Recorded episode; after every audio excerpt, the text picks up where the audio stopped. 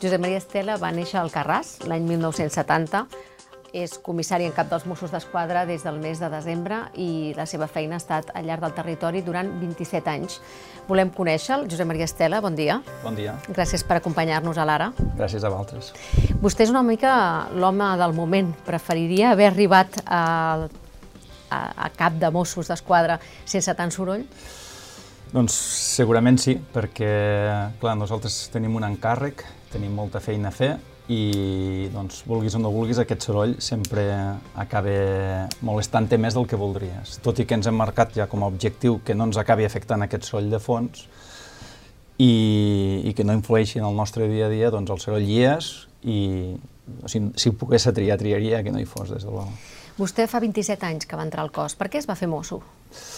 Bé, no hi ha una causa concreta que puga, que puga posar jo damunt de la taula per argumentar per què em vaig fer mosso. Hi havia un interès ja, quan jo tenia 16-17 anys, per, pel que era el cos de Mossos d'Esquadra i, i, i el poc que arribàvem en aquella època doncs, era d'especial interès. Hi ha algun fet determinant, com per exemple que allí al poble doncs, eh, algun dels nostres coneguts va entrar de les primeres promocions, em sembla que era la segona promoció, i arribava i ens explicava doncs, tot el que fèiem, el projecte que era el cos de Mossos, i, i vam començar a tindre ja, jo i algun dels meus amics, dels meus companys, aquest punt d'il·lusió per entrar al cos de Mossos d'Esquadra. I va ser després, als 24 anys, que doncs, vam fer el pas definitiu i, i vam entrar al cos de Mossos. L'agost de 2017, eh, Mhm. vostè era cap de la regió policial de Terres de l'Ebre. Mhm. Recorda el 17 d'agost de 2017? Sí, clar, el recordo i, i crec que el recordarem tota la vida. De fet, recordo perquè jo tot just acabava d'arribar de vacances, havia estat quasi bé 20 dies a l'estranger i, i al cap de dos dies doncs, vam tindre aquella famosa explosió de les cases d'Alcanar, i el Canà. I el recordo especialment perquè quan hi ha una explosió d'aquestes característiques, eh, doncs no, és, no, és, no era massa normal doncs, que els màxims responsables de la regió doncs, acudíssim al lloc dels fets. No? Però ja des del primer moment aquella explosió presentava una sèrie de, de característiques diferencials a la resta doncs, que va fer que a primera hora del matí em personés allí. No? I recordo els primers moments i recordo com amb els serveis nostres de la regió, d'informació, de, de seguretat ciutadana, d'investigació, doncs vam començar a posar les primeres hipòtesis damunt de la taula de què és el que realment havia, del què és el que podia haver succeït allí. No? I bueno, vivíem també, veníem d'uns antecedents on feia poc, dins de la mateixa regió policial, hi havia hagut una, una, explosió, de gas, una explosió en un pis que també semblava que, que podia ser de gas i que al final va, va resultar ser perquè allí hi havia un laboratori legal de, de, de substàncies estupefaents i que a partir de la barreja de determinats productes que s'utilitzaven per la, per la producció d'aquestes substàncies estupefaents doncs havia hagut una explosió.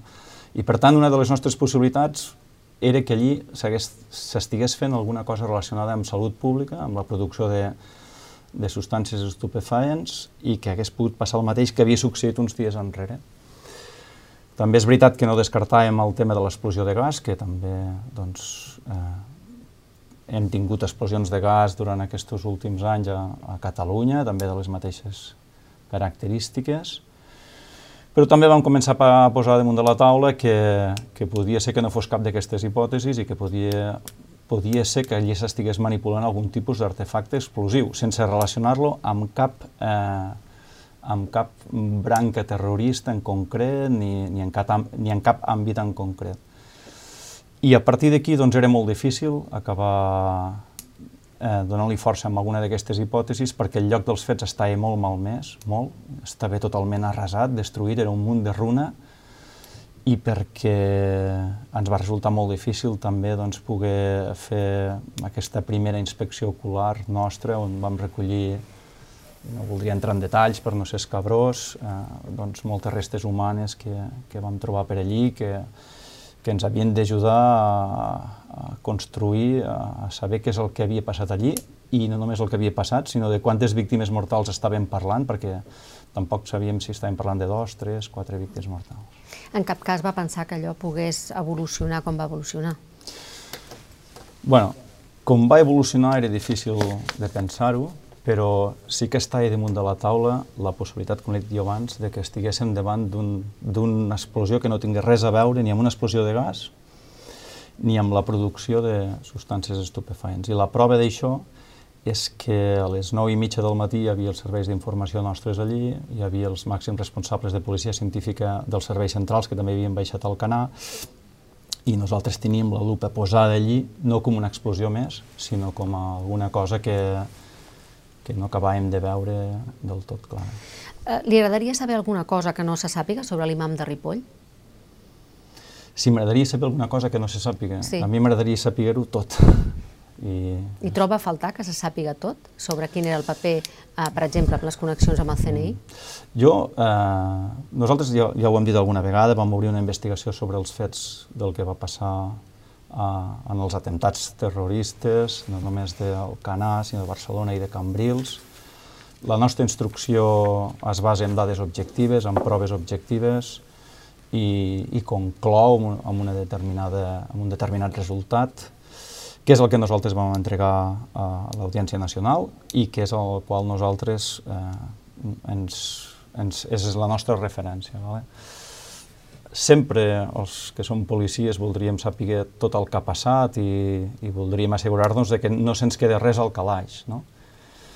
Però bueno, és un tema complicat, es barregen no només temes tècnics, es barreja també temes més polítics, més mediàtics, per tant, permeti'm que, so, que siga caute amb, amb, amb amb la meva valoració sobre els fets, mm, jo, jo em limito a, a, la, a la investigació que va fer Mossos i a les proves que van posar damunt de la taula del jutjat. Per tant, està tranquil? Estic satisfet de la investigació que vam fer, sí. En la reacció a aquells atemptats i també amb l'actuació prudent mm. dels Mossos a l'1 mm. d'octubre es va consolidar la figura del major Trapero. Mm. El major Trapero ha sigut purgat políticament? Ha estat purgat? No. Purgat políticament? No. No ho entenc així, d'aquesta manera. No ho entenc de cap de les maneres així. De fet, bé, també ens hem manifestat altres vegades en aquest sentit. Jo porto 27 anys al cos de Mossos d'Esquadra. Eh, he viscut el canvi de diversos comandaments, de diversos caps del cos, i mai en cap ocasió s'ha parlat de purga ni, ni s'ha parlat de, de res que s'hi assembli. Els canvis a la nostra organització entren dins la normalitat, jo, quan vaig arribar al cos fa 27 anys, teníem el major Joan Unió, el, Joan, el, el major va marxar i, i va entrar el Josep Milan, el Josep, el Josep Milan, el comissari Josep Milan va ser substituït a criteri del conseller de Tor pel major Trapero, en aquella època comissari. Hi ha hagut altres canvis, el comissari Esquius, el comissari Sallent, jo crec que els canvis dins la nostra organització es viuen amb molta normalitat, els comandaments que en formem part així ho entenem i per tant jo me nego a, a veure cap purga política amb, el tema del major Trapero. El senyor Trapero havia blindat, segons alguns, i aïllat, segons mm. altres, els Mossos de l'acció política. Serà vostè políticament més permeable? Serà vostè més políticament... Jo seré neutral a, a nivell polític. És a dir, miri, jo, o, no jo, sinó jo i la resta de comandaments que formen part de, del cos de Mossos d'Esquadra, jo diria des, del, des, del, des de l'últim mosso fins al primer comandament, ens belluguem amb la més absoluta i, i, i radical neutralitat política. Per què ha de ser així? I perquè si no fos així, flac favor li faríem a l'organització i flac favor li faríem a, a la nostra societat. Jo crec que hem de diferenciar entre polítiques públiques de seguretat i el, i el que és la política malentesa, mm, el que podríem dir el partidisme. És a dir, jo crec que la policia en general hem d'estar a, a, hem d'estar per atendre les polítiques públiques de seguretat del govern de torn, perquè els governs, amb tota la legitimitat del món, apliquen les seves polítiques públiques en funció de la seva manera d'entendre la seguretat, d'entendre la societat, i les policies hem de saber eh, rebre aquestes polítiques públiques de seguretat i transformar-les en, en projectes i transformar-les en accions concretes. I, i nosaltres estem, eh, estem aquí per, do, per, per atendre aquesta voluntat del govern de Tor, sigui el que sigui, del color que sigui, i, i tot el que no sigui això doncs ens bellugarem amb la més absoluta i radical neutralitat política, no, no pot ser d'una altra manera. El major Trapero en aquest moment està a plaça Espanya mm. amb una responsabilitat eh, mm. clarament menor. Ha mm. intervingut vostè en la decisió del, de la posició eh, professional en mm. aquest moment del major? Hem estat parlant amb el Departament d'Interior i hem estat parlant també amb el director general de la policia eh, a l'hora de determinar quin ha, ha de ser el lloc del, del major trapero dins l'organització i el que li puc dir és que hi ha una sèrie de, de, de condicions que jo crec que, que no ens podem bellugar d'aquí i és, primer, que nosaltres hem de seguir aprofitant-nos de, de l'experiència i del talent del major, per tant, el, el, el major d'estar en un lloc on, de forma clara, pugui seguir donant aquest suport, aquesta ajuda a la nostra organització, el cos de Mossos d'Esquadra, això està claríssim que ha de ser així, no, no, no ens podem permetre el luxe de, de prescindir d'ell i, del, i de la seva experiència. Hem estat parlant també de que el lloc on vagi destinat ha de ser un lloc que eh, ens ha de fer sentir còmodes a tots, especialment amb ell, i el que li puc avançar és que aquesta, aquest lloc on vostè m'ha dit, a, aquí a la, a la plaça Espanya, a la nostra comissaria, és un lloc provisional i que estem encara parlant sobre quin ha de ser el seu lloc definitiu dins de l'organització, no només a nivell d'estructura jeràrquica, sinó a nivell, també a nivell físic, quin és l'edifici on ha d'estar destinat, d'acord? El que sí li avanço és que el, el major Trapero segurament eh, estarà, dependrà jeràrquicament de la Conselleria d'Interior o del director general de policia. En funcions de comandament? En funcions de comandament sobre el lloc on està destinat i la seva responsabilitat, clar. Uh, una d'altra de les decisions uh, més delicades que vostè mm. ha pres ha mm. sigut rellevar l'intendent Toni Rodríguez de la Comissaria mm. General d'Investigació Criminal mm. que ha anat a, a Rubí. Mm. Uh, està motivat pel fet que Rodríguez era un home de Trapero? No, està motivat perquè, i això també és, és un tema que n'hem parlat moltes vegades, està motivat perquè l'intendent Toni Rodríguez estava en un lloc de direcció dins de la nostra organització policial, d'acord? De fet, no voldria enganyar-la, però em sembla que només feia sis mesos que estava allí en aquell lloc de direcció, d'acord? Llavors, nosaltres, ja ho hem dit també en alguna ocasió tenim un projecte i aquest projecte està basat en una sèrie de línies estratègiques que estem aplicant durant aquestes primeres setmanes de treball. Una de les, de les línies que tenim, eh, de les línies de treball, està molt encarat al funcionament de la nostra organització a nivell intern i això té a veure amb, amb, amb la direcció amb, més coral, amb, amb el treball en equip, amb la necessitat de que les diferents àrees i comissaries dins de la, dels serveis centrals doncs, tinguin una coordinació molt major, molt més gran.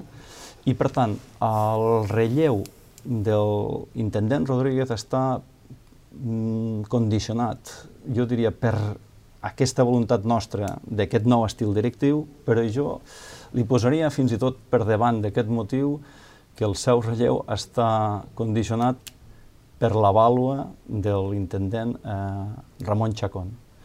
Jo crec que no té tant a veure amb l'intendent Rodríguez com si té a veure amb la vàlua i la capacitat tècnica i la seva capacitat de lideratge dins de l'organització de l'intendent Ramon Chacón. Aquesta, aquesta unitat mm. investiga molts casos de, de corrupció. Mm. Els ciutadans de Catalunya poden estar tranquils que es continuarà investigant el la corrupció i els mateixos casos que es tenien entre mans? Per suposat, per suposat. És que aquí eh, sí que no admetem ni... no hauríem d'admetre ni, ni, ni, ni, un mil·límetre de dubte perquè és que... És a dir, nosaltres hem canviat uh, l'intendent Rodríguez que està al capdavant de la Comissaria General d'Investigació Criminal. Estic parlant de direcció de tota una comissaria on hi ha 2.000 persones treballant. Llavors, dins d'aquesta comissaria hi ha la divisió d'investigació criminal i dins de, la dins de la divisió d'investigació criminal hi ha la unitat anticorrupció. Els comanaments que estan al capdavant d'aquesta divisió i d'aquesta unitat són comanaments que han estat treballant allí des de fa molts anys i que ja treballaven al cantó de l'intendent Toni Rodríguez. Per tant, hem canviat una persona. No hem canviat l'equip de treball ni hem canviat els comanaments intermitjos que estan al capdavant d'aquestes unitats i que estan al, cap, al capdavant de la divisió d'investigació criminal, sinó que segueixen sent els mateixos, només hem canviat una persona. Però per damunt d'això hi ha una voluntat real de seguir treballant i perseguint tot el tots aquells, aquells fets que tenen a veure amb la corrupció, amb, el, amb la malversació de capdals públics, eh, que ens arriben al coneixement nostre, ja sigui a través dels ciutadans o a través de la Fiscalia. És a dir, aquí sí que no només ens bellugarem, sinó que feia públic l'altre dia el conseller amb seu parlamentària, la nostra unitat d'anticorrupció la, la passarem dels efectius que som ara a, som 14-15 a 30 efectius, és a dir, la, la dimensionem encara més perquè ens volem assegurar que l'àmbit aquest doncs, el, el treballem el màxim de bé possible. I perquè pensi una cosa, el tema de la corrupció no és, no és només un tema que, que estigui dins l'àmbit polític. El tema de la corrupció afecta altres àmbits com l'àmbit empresarial, l'àmbit polític, l'àmbit de les policies, Mossos, policies locals, etc etc.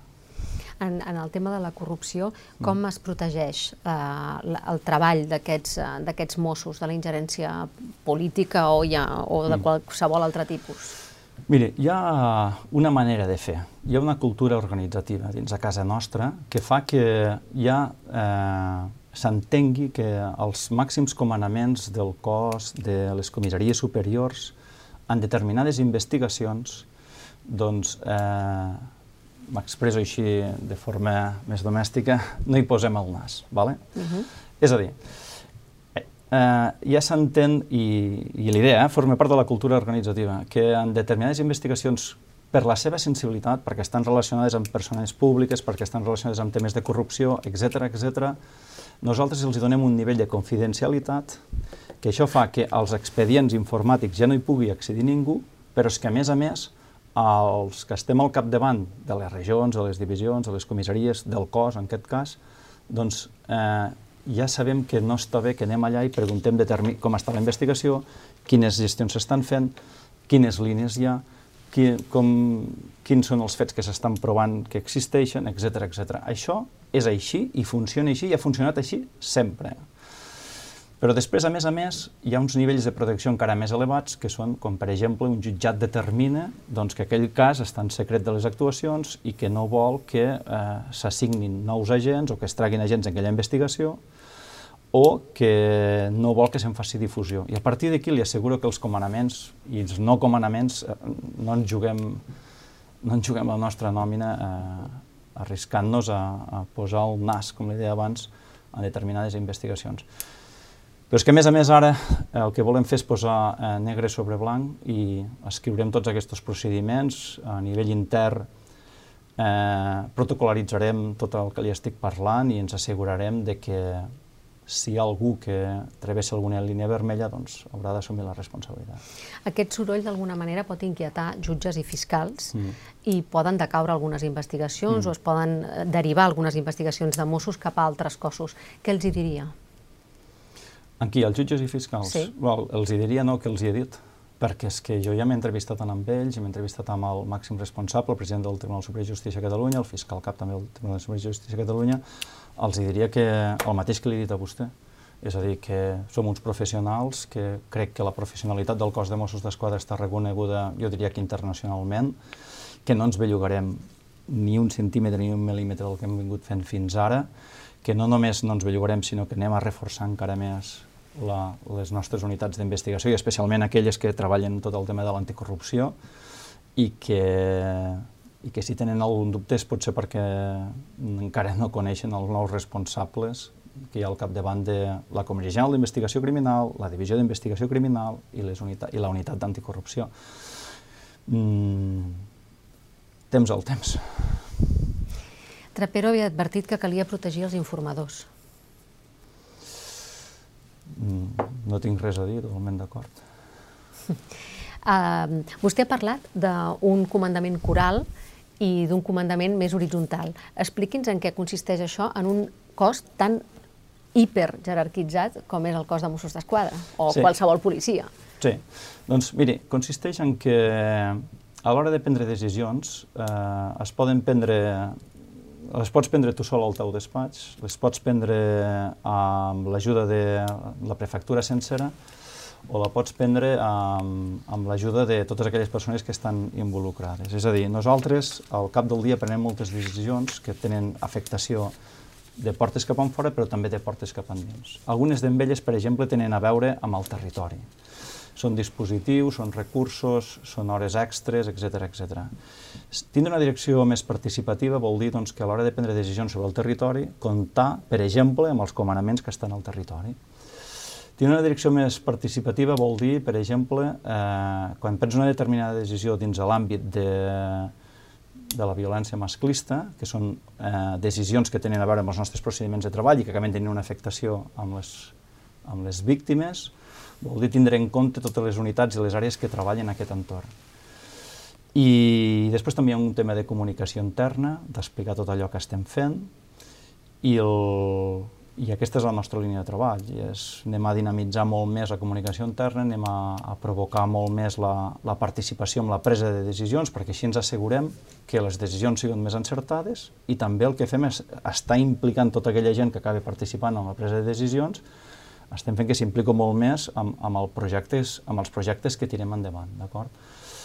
I sí, som un cos jeràrquic i al final, per molt treball coral i molt treball en equip que fem, està clar que els màxims responsables, els que estem al capdavant, han d'acabar prenent acabar entomant la responsabilitat de la decisió, això està claríssim.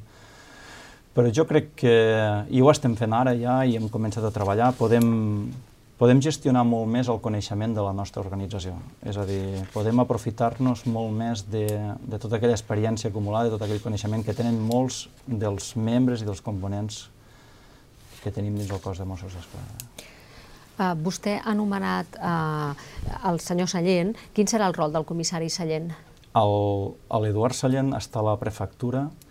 No, no podíem prescindir de l'Eduard Sallent. És una persona amb molts coneixements, ha estat durant un any cap del cos, coneix moltíssim l'organització des de dalt de tot.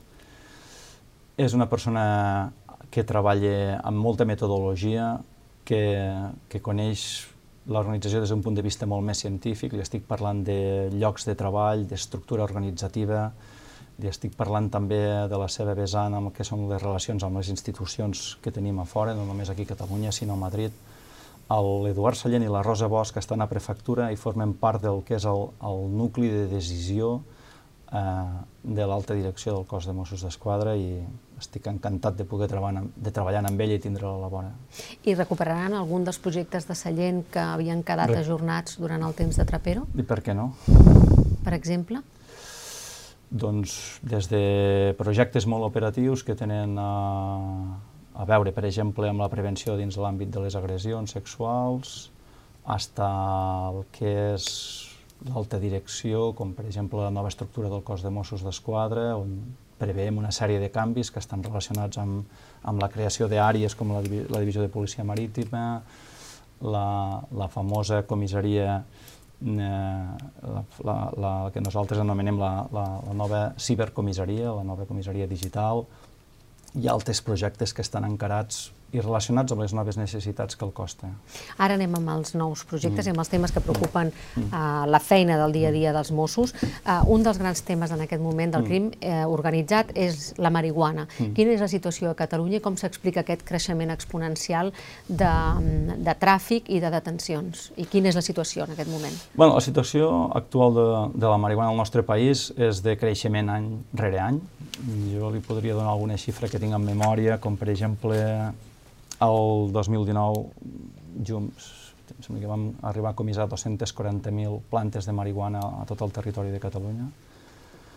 El 2020, aquestes 240.000 es van convertir en 280.000 i una xifra que parla per si sola, el 2021 d'aquestes 240-260 van passar a més de 800.000. I per tant les xifres parlen per si sola. I nosaltres sempre vam avisar de que el problema en si no era tant les plantacions de marihuana, sinó tot sinó tot el que comportava la instal·lació dins de casa nostra de grups organitzats i d'organitzacions criminals que es dediquen a aquest negoci tan rendible que és el tema de la marihuana. I vam avisar que això tenia a veure doncs, amb, amb tema de narcosals, amb tema de disputes entre, i rivalitats entre els diferents grups que controlen aquests mercats i que moltes vegades acaben en, amb, amb baralles, amb, ar, amb trets, amb, ar, amb utilització d'armes de foc. I també vam avisar de que, de que això tenia a veure amb la corrupció i que per l'experiència que tenim en altres països, quan un negoci de la droga és tan rendible i, i, es, i es guanya tants diners, el que passa és que a vegades s'acaben eh, constituint estructures de poder paral·leles a les formals i oficials, i això és molt perillós perquè afecta i té a veure molt amb el tema de la corrupció, que acaba afectant des de polítics, àmbit empresarial, fins i tot policies, com li deia abans. Estem parlant de màfia que, que, que Sí. d'alguna manera entra, no? Claro. s'infiltra en aquests Claro, organismes. Claro. I això és el que ha passat a Catalunya, i allò que fa dos o tres anys nosaltres parlàvem de futur és un present, perquè això està instal·lat aquí a casa nostra. I diu, quines són les raons? Doncs hi ha una sèrie de raons. Hi ha unes raons que tenen a veure amb la climatologia d'aquí, estem parlant de moltes plantacions outdoor, que estan a fora, que estan al mig de, dels camps, dels trossos. Estem parlant també de la situació geogràfica de Catalunya, a les portes d'Europa. És molt fàcil traure d'aquí la mercaderia i de seguida estàs dins Europa, on hi ha els grans mercats dels grans consumidors, que és Alemanya, Àustria, França, Anglaterra. Estem també parlant de, de quin ha estat el, la tolerància a nivell de societat de lo que és la marihuana, és a dir, en, des d'un àmbit més general, des d'una visió més general, eh, amb tots els matisos que vostès vulguin, eh, drogues dures com la cocaïna, com la, la heroïna sempre han provocat molt rebuig social, sembla que la marihuana potser no el provocava tant, i això, aquest punt de tolerància també té a veure, perquè segur que té una traducció a nivell legislatiu, és a dir, a nivell legislatiu potser el no haure aquest retret social ni aquest desvalor penal, doncs a la millor tampoc hi ha hagut unes normes prou dures per castigar doncs, tot el que és a, el, a les activitats relacionades amb el cultiu, tràfic i consum. I tot plegat doncs, fa que, que no només el nostre país, sinó tot el que és la costa mediterrània, fins baix a Andalusia, doncs, siguin zones on s'estigui cultivant moltíssima marihuana, on a partir d'aquest cultiu doncs, es centrafica, se, se produeix un tràfic, i a partir d'aquest tràfic doncs, s'instal·len aquí eh, màfies, i vostè parlava de màfies, grups i organitzacions criminals que es dediquen amb, com si fos una organització empresarial en tots els diferents àmbits de cultiu, tràfic, compra-venda, transport, els tenim aquí instal·lats. Ja. Amb majors nivells de violència, a més a més, cada, Cada cop. vegada amb més violència, cada vegada amb un nombre del que nosaltres anomenem els narcoassalts, que són disputes entre les diferents eh, bandes o grups criminals que, que rivalitzen doncs, per territoris o per mercats doncs, i que acaben amb, amb violència extrema. Clar. I eh, quin és l'objectiu? És a dir, quin és el, el principal objectiu en aquest moment per lluitar contra la marihuana o què és, eh, què és el que vostès proposen en aquest moment per acabar amb aquesta situació que descriu? El, el, la millor prevenció és la resolució. És a dir, la millor manera de previndre uh, una determinada activitat delictiva com aquesta és que els nostres, la nostra investigació criminal doncs, sigui capaç d'identificar aquestes màfies, aquests grups organitzats que tenen un nivell d'actuació molt globalitzada, és a dir, quan parlem de la lluita contra aquestes màfies i contra aquests grups, està associada a la necessitat de treballar de forma conjunta amb el cos nacional de policia, amb Guàrdia Civil, estem parlant de la necessitat de parlar amb Europol, per tant amb la resta de policies d'Europa, perquè el que hem de fer és desactivar al màxim possible aquestes organitzacions, des del punt de vista policial, d'acord? I aquest és el nostre gran objectiu. I a nivell de territori, doncs, tot el que és l'àmbit de la prevenció, per intentar atacar, com ho estem fent ara, el tema de les plantacions. Una de les proves és la xifra que li estava donant ara, és a dir, de 260 a 800.000 plantes és que alguna cosa estem fent. I després jo crec que el, el món aquest de, del cultiu i tràfic, consum de marihuana, no, no, no només té una solució policial, perquè nosaltres la policia per si sols no serem capaços de combatre-ho. Jo crec que aquí també necessitem la implicació d'altres actors, com el legislador, que ha de saber què és el que realment eh, li està demanant la societat, és a dir, hem de transmetre si volem o no volem que això passi, per tant, segurament ha d'haver un enduriment de, de la legislació des de l'àmbit penal, això està claríssim, i després jo crec que aquí el que hauríem de fer és conjurar-nos més a nivell europeu, perquè el tema de la marihuana és un tema que està molt globalitzat i, per tant, el que no podem fer és tindre una legislació diferent en un país que en un altre, perquè si no llavors sí que provocaríem eh, situacions encara molt més insostenibles. Per tant, jo crec que el que requereix tot el fenomen de la marihuana és solucions a nivell legislatiu, normatiu, però des d'un àmbit més globalitzat, no només aquí a l'estat espanyol, sinó més en afectació al que és Europa. I a partir d'aquí, doncs, implicació de tots els actors, judicatura, fiscalia i nosaltres. Com són les relacions amb la resta de cossos de seguretat? Com les definiria? I també m'agradaria saber mm. què voldria fer o què, què voldria aconseguir amb la relació amb Interpol. Miri, eh, la primera pregunta, les relacions amb Cos Nacional de Policia, Guàrdia Civil i amb policies locals i guàrdies urbanes és molt bona, molt. Jo crec que des de fa uns mesos llargs cap aquí hem, ens hem posat al lloc on havíem d'estar. Jo crec que hi ha voluntat per part de tothom de que així sigui. Eh, aquests dies jo m'he entrevistat amb el màxim responsable de la Guàrdia Civil, del cos de la Guàrdia Civil aquí a Catalunya, el, el general, Tobar, i també m'he entrevistat amb el, amb el cap superior de la Policia Nacional. Mm, hi ha pocs dubtes per part de les dues bandes de que hi ha una voluntat real de seguir treballant, de cada un exercint les competències que tenim atribuïdes i treballar conjuntament amb aquells casos que cal treballar conjuntament.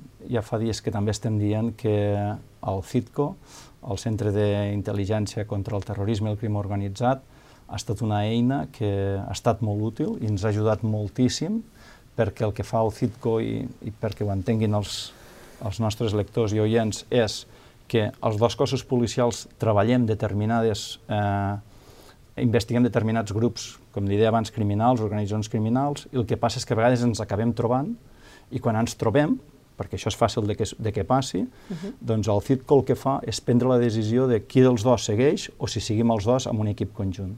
I això és el que ha passat aquests últims mesos i crec que ha estat molt positiu. Per tant, la primera pregunta, les relacions amb el cos nacional de policia i la Guàrdia Civil són excel·lents, són bones, hi ha una voluntat real per part de totes les parts de seguir treballant perquè, entre altres coses, jo crec que és un dret que té el ciutadà, de que ens, de que ens coordinem i que, i que col·laborem amb el màxim possible. Mm -hmm. no? I pel que fa a la segona pregunta, està clar que un cos com el nostre, que té voluntat de ser la policia integral i ser de la policia de referència de Catalunya, doncs el que vol és accedir a Europol sense haver de passar, doncs, eh, o accedir de la forma més directa possible. Això està lluny, suposo.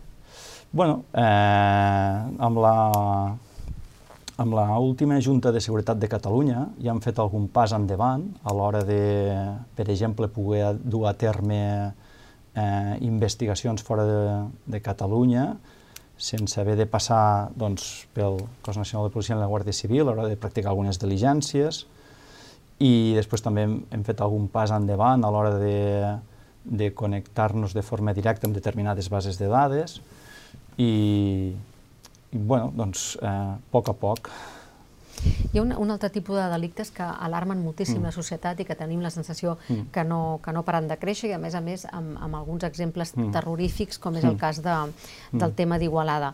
M'agradaria eh, saber quina és la seva aproximació al tipus de, als delictes sexuals i també com està el cas d'Igualada. Vale, doncs mira, començo per la segona pregunta.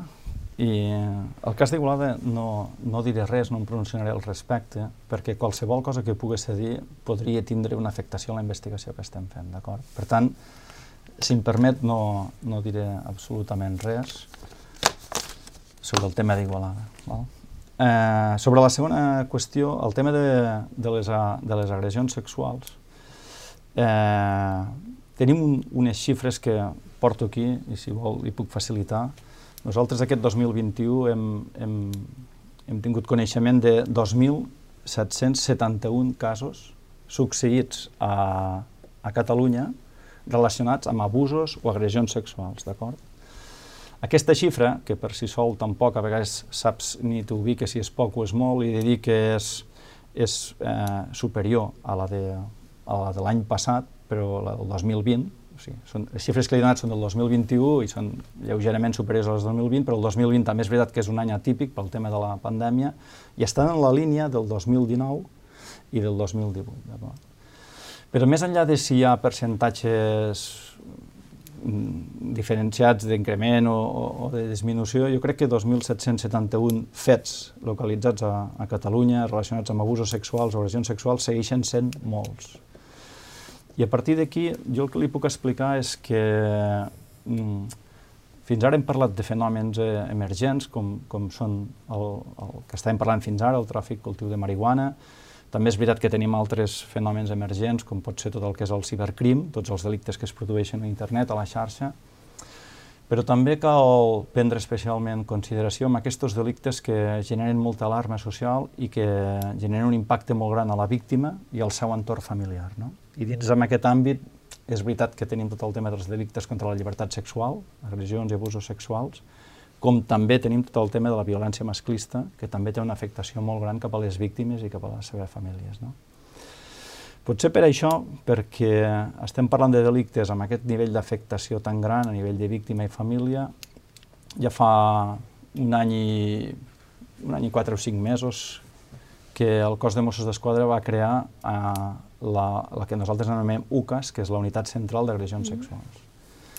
I, i si em permet, voldria posar èmfasi sobre aquesta unitat. Per què? Doncs perquè aquesta unitat, eh, jo li podria parlar de tres àmbits diferenciats de treball. Primer que tot, el que fa aquesta unitat és, de forma diària, fa seguiment de, totes les, de tots els fets que tenim coneixements que entren a través de les nostres comissaries en format denúncia, o a vegades no està una denúncia formalitzada, és un incident que arriba a través de, de la nostra sala, a través del coneixement de les patrulles. I el que fa eh, aquesta unitat és treballar moltíssim el perfil de, de víctimes, d'agressors, però no només de la víctima de l'agressor, sinó de les circumstàncies, dels fets, d'on han passat, etc etc. Per tant, hi ha un primer àmbit de treball d'aquesta unitat central que fa referència a l'anàlisi, la informació diària i estudi a partir de moltes preguntes per generar intel·ligència. Intel·ligència policial, que és el que nosaltres anomenem, que és allò que necessitem saber i que ens pugui ser útil per previndre eh, un determinat fet delictiu. Per exemple, en aquest cas, imagini's que poguéssim acabar determinant que hi ha una part d'aquestes agressions o abusos que es produeixen, imagini's, eh, eh, al sortir de determinats amb, eh, amb, eh, ambients de festa, com pot ser l'oci nocturn, etc i que es produeixen des de, des de que surts d'aquest local fins que arribes al teu lloc de destinació per agafar el transport públic per anar a casa teva, no? o que passen en unes determinades hores, o que les víctimes tenen un determinat perfil, o que els agressors es comporten d'una determinada manera. Tot això ens ajuda a nosaltres per saber, per exemple, si val la pena o no tirar endavant accions preventives a l'hora, per exemple, de buscar la complicitat de la seguretat privada que acostuma a veure els diferents locals d'oci nocturn, si val la pena, per exemple, que nosaltres dediquem recursos a determinades hores a, a vigilar determinats espais de la via pública, com pot ser els transports públics o, o, la, o el camí que hi ha entre el transport públic i el, i el lloc d'oci, i altres eh, mesures preventives que podem dur a terme, no només a nivell policial, sinó a nivell de campanya informativa. Aquest és un primer àmbit de la nostra unitat central d'agressions sexuals. Després hi ha un altre àmbit que és la instrucció de, de determinats fets, és a dir, la investigació per saber què és el que ha passat i el màxim objectiu nostre, que és determinar l'autoria d'aquells fets i aportar el màxim de proves possibles. I la nostra unitat el que fa és no investiga tot allò que passa al territori, però sí que investiga tots aquells fets que són més rellevants, que són més greus. I aquí hi ha una gran tasca que s'està fent, i entre ells hi ha els fets d'Igualada que vostè em preguntava i que jo eh, sé que no he de dir res perquè podria acabar influint amb la investigació que està vigent. I després hi ha el tercer àmbit, i me'l deixo pel final, perquè és un dels àmbits més importants, i aquí també voldria significar-ho especialment, que és el tema del tractament a la víctima. Perquè el tema de, la, de les víctimes sempre ha estat una de les assignatures del nostre cos que hem tingut damunt de la taula com, com un d'aquells àmbits que havia molt camp de millora i que pensàvem que també eh, formava part del que és el nostre servei de qualitat. Val? Perquè model de proximitat no és només baixar del cotxe, parlar amb la gent, parlar amb els botiguers, amb les associacions. Model de proximitat també és atenció a les víctimes. I aquí sí que la nostra unitat central d'agressions sexuals està fent una feina increïble. Perquè no totes les persones que es presenten a la comissaria a denunciar uns fets eh, tenen el, nivell, el mateix nivell de gravetat. No tothom té un mateix nivell de gravetat a l'hora de ser víctima, per exemple, entre si ha estat un tema de patrimonial o ha estat un tema com el que estem parlant ara, que té a veure amb la llibertat sexual. I per tant, aquí sí que comença per part nostra un nivell de qualitat molt bo a l'hora de saber agafar aquestes víctimes i atendre-les en determinats espais, d'una determinada manera, i per determinats Mossos o Mosses que estan especialitzats i que saben què és allò que poden fer i que no poden fer per victimitzar encara més aquesta persona que s'ha presentat a la nostra comissaria. Però crec que el treball de qualitat eh, comença quan aquesta persona ja ha acabat de fer la seva declaració i marxa de la comissaria i a partir d'aquí es fa un seguiment jo qualificaria d'acompanyament, no de seguiment. I aquest acompanyament i seguiment que dura fins uns dies abans del judici, on la tornem a citar i fins i tot, si cal, li expliquem què és el judici, quines són les parts que intervenen, què és el que passarà, quines preguntes li faran, etc etc. I després del judici, quan s'acabi tot, encara estem en contacte amb ella per si necessita alguna cosa, crec que aquí hi ha un treball de qualitat molt potent, molt potent que estem fent a nivell de cos de Mossos d'Esquadra i que em consta que estem rebent inputs de retorn de molt agraïment i molta satisfacció per part de persones que són víctimes d'aquest determinat fet delictiu que, com li deia abans, i no vull entrar en detalls tampoc perquè si no m'estendria massa, doncs genera molta alarma i, i significa doncs, situacions molt traumàtiques que viu no només la víctima, sinó que també ho viuen a nivell familiar. Anem, anem a coses uh, una, mica, una mica concretes. Vostè em deia el perfil de les víctimes. Quin és el perfil de les víctimes? Nosaltres tenim un percentatge molt alt de, de gent jove que, que denuncien eh, abusos sexuals i agressions sexuals, en la majoria de vegades l'autor és conegut.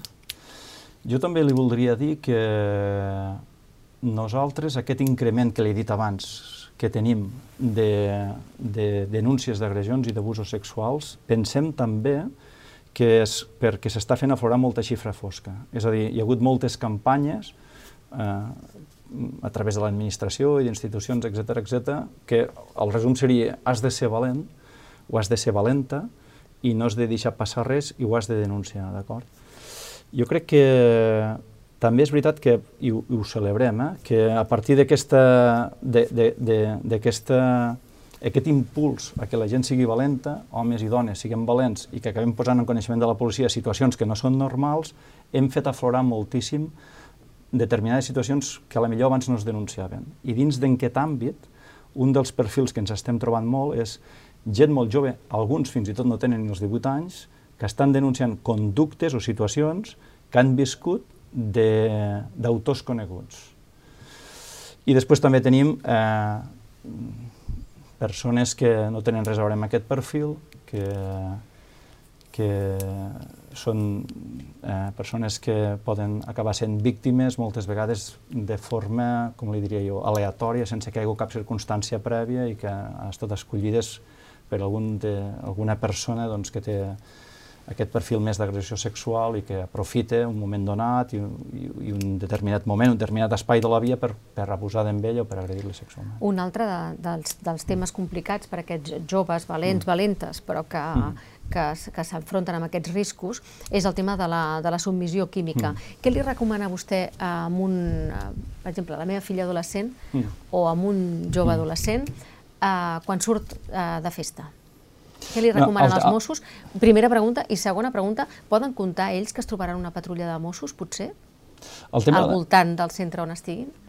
I si no la troben, que truquin al 112, la tindran segurament en, en pocs minuts. D'acord? I el tema de la submissió química és un tema que ens està aflorant ara moltíssim i que estem treballant i que ja li avanço que té un punt de dificultat per part nostra, d'acord? Perquè, clar, hi ha molts interrogants i hi ha moltes eh, moltes eh, situacions o descripcions que ens fa la víctima que són difícils a vegades de comprovar, d'acord? Primer que tot, eh, avui en dia mm, estem rebent eh, denúncies per part de persones que el primer que ens diuen és que no saben exactament el que ha passat i a partir d'aquí comença la dificultat. La beguda en la qual ella pensa que, o ell pensa que s'ha introduït algun producte que ha fet anul·lar la seva voluntat, ja no la tenim i no es pot analitzar. Llavors també sabem que per anul·lar la voluntat d'una persona, a vegades no cal que hi hagi un producte, una determinada droga il·legal, sinó que a vegades amb la barreja de determinats medicaments de curs legal barrejats amb l'alcohol, també s'aconsegueix uns efectes similars. I aquests medicaments pues, són fàcils a vegades d'introduir dins de la beguda.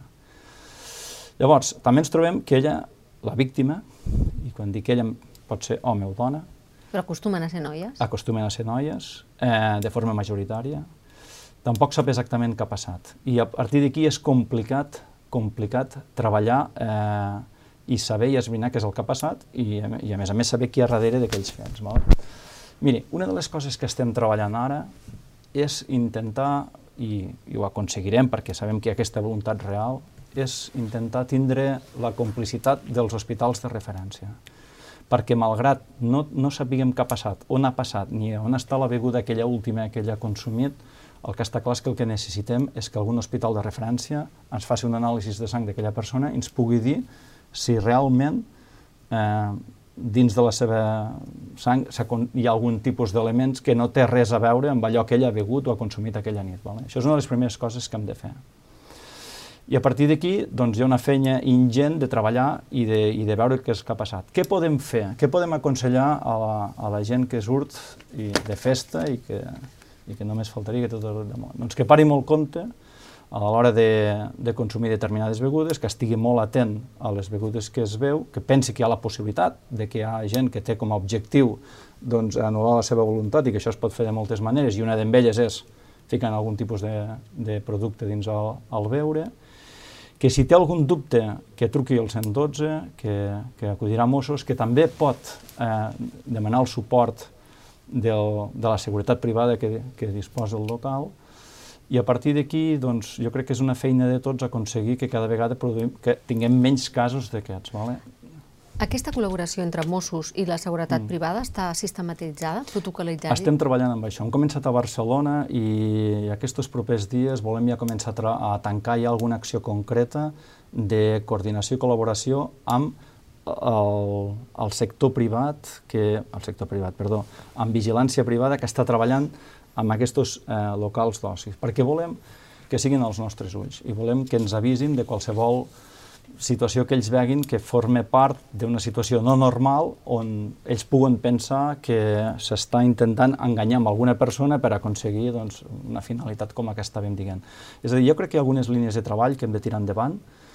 Una és aquesta dels hospitals, per intentar saber si realment hi ha hagut o no hi ha hagut. Jo crec que a nivell preventiu hem de treballar amb, amb l'oci nocturn, per buscar la complicitat de les persones que estan allà, no només de la seguretat privada, sinó dels responsables que estiguen treballant allí. Jo crec també que hem de, a base, a partir de l'anàlisi aquell que li feia jo, hem de buscar en la, la nostra presència a nivell de Mossos, patrulles de paisà, en determinats llocs i en determinats moments que són molt específics, els dissabtes a la nit, de divendres, etc etc, per incrementar aquesta presència, especialment des de que surt del local fins al transport públic. I després també crec que hem de treballar tot el que són les campanyes informatives i, i explicar doncs, que hi ha la necessitat, malauradament, però que hi ha la necessitat de parar molt compte a l'hora de consumir begudes en determinats locals o, o en determinades festes. Tampoc voldria ara criminalitzar l'oci nocturn. Eh? En quin percentatge la, la denúncia de delictes en aquest moment correspon a ciberdelictes? No, no sé exactament el, el percentatge que, que, que hi ha de les denúncies que fan, tenen a veure amb, amb ciberdelictes respecte a la totalitat. Sí que recordo clarament que aquest 2021 hem tancat l'any amb 48.600, 48.500 denúncies, que són moltes, relacionades amb fets que s'han produït eh, dins d'internet, dins de la xarxa. La majoria d'aquests fets estan relacionats amb temes patrimonials, és a dir, estan relacionats amb estafes, que tenen a veure amb les transaccions comercials que es produeixen cada vegada en més mesura. Tots nosaltres utilitzem la xarxa per fer compres, per fer transaccions comercials, i aquí ens apareixen moltes estafes, però no només ens apareixen estafes amb el tema de les transaccions comercials, sinó que també tenim eh, atacs informàtics, etc etc.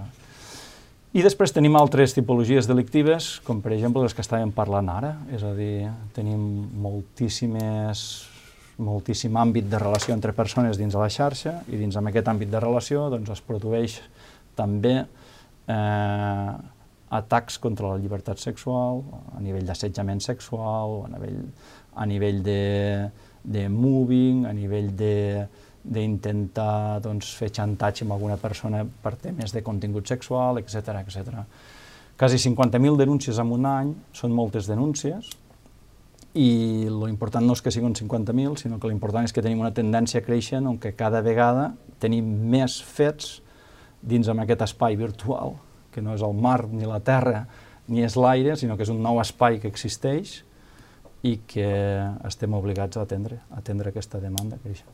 Vostè parla del mar, la terra, l'espai. Eh, com es lluita contra, contra els drons? Com es lluita contra els drons? Els drons eh, és també un fenomen nou que ens ha aparegut ara.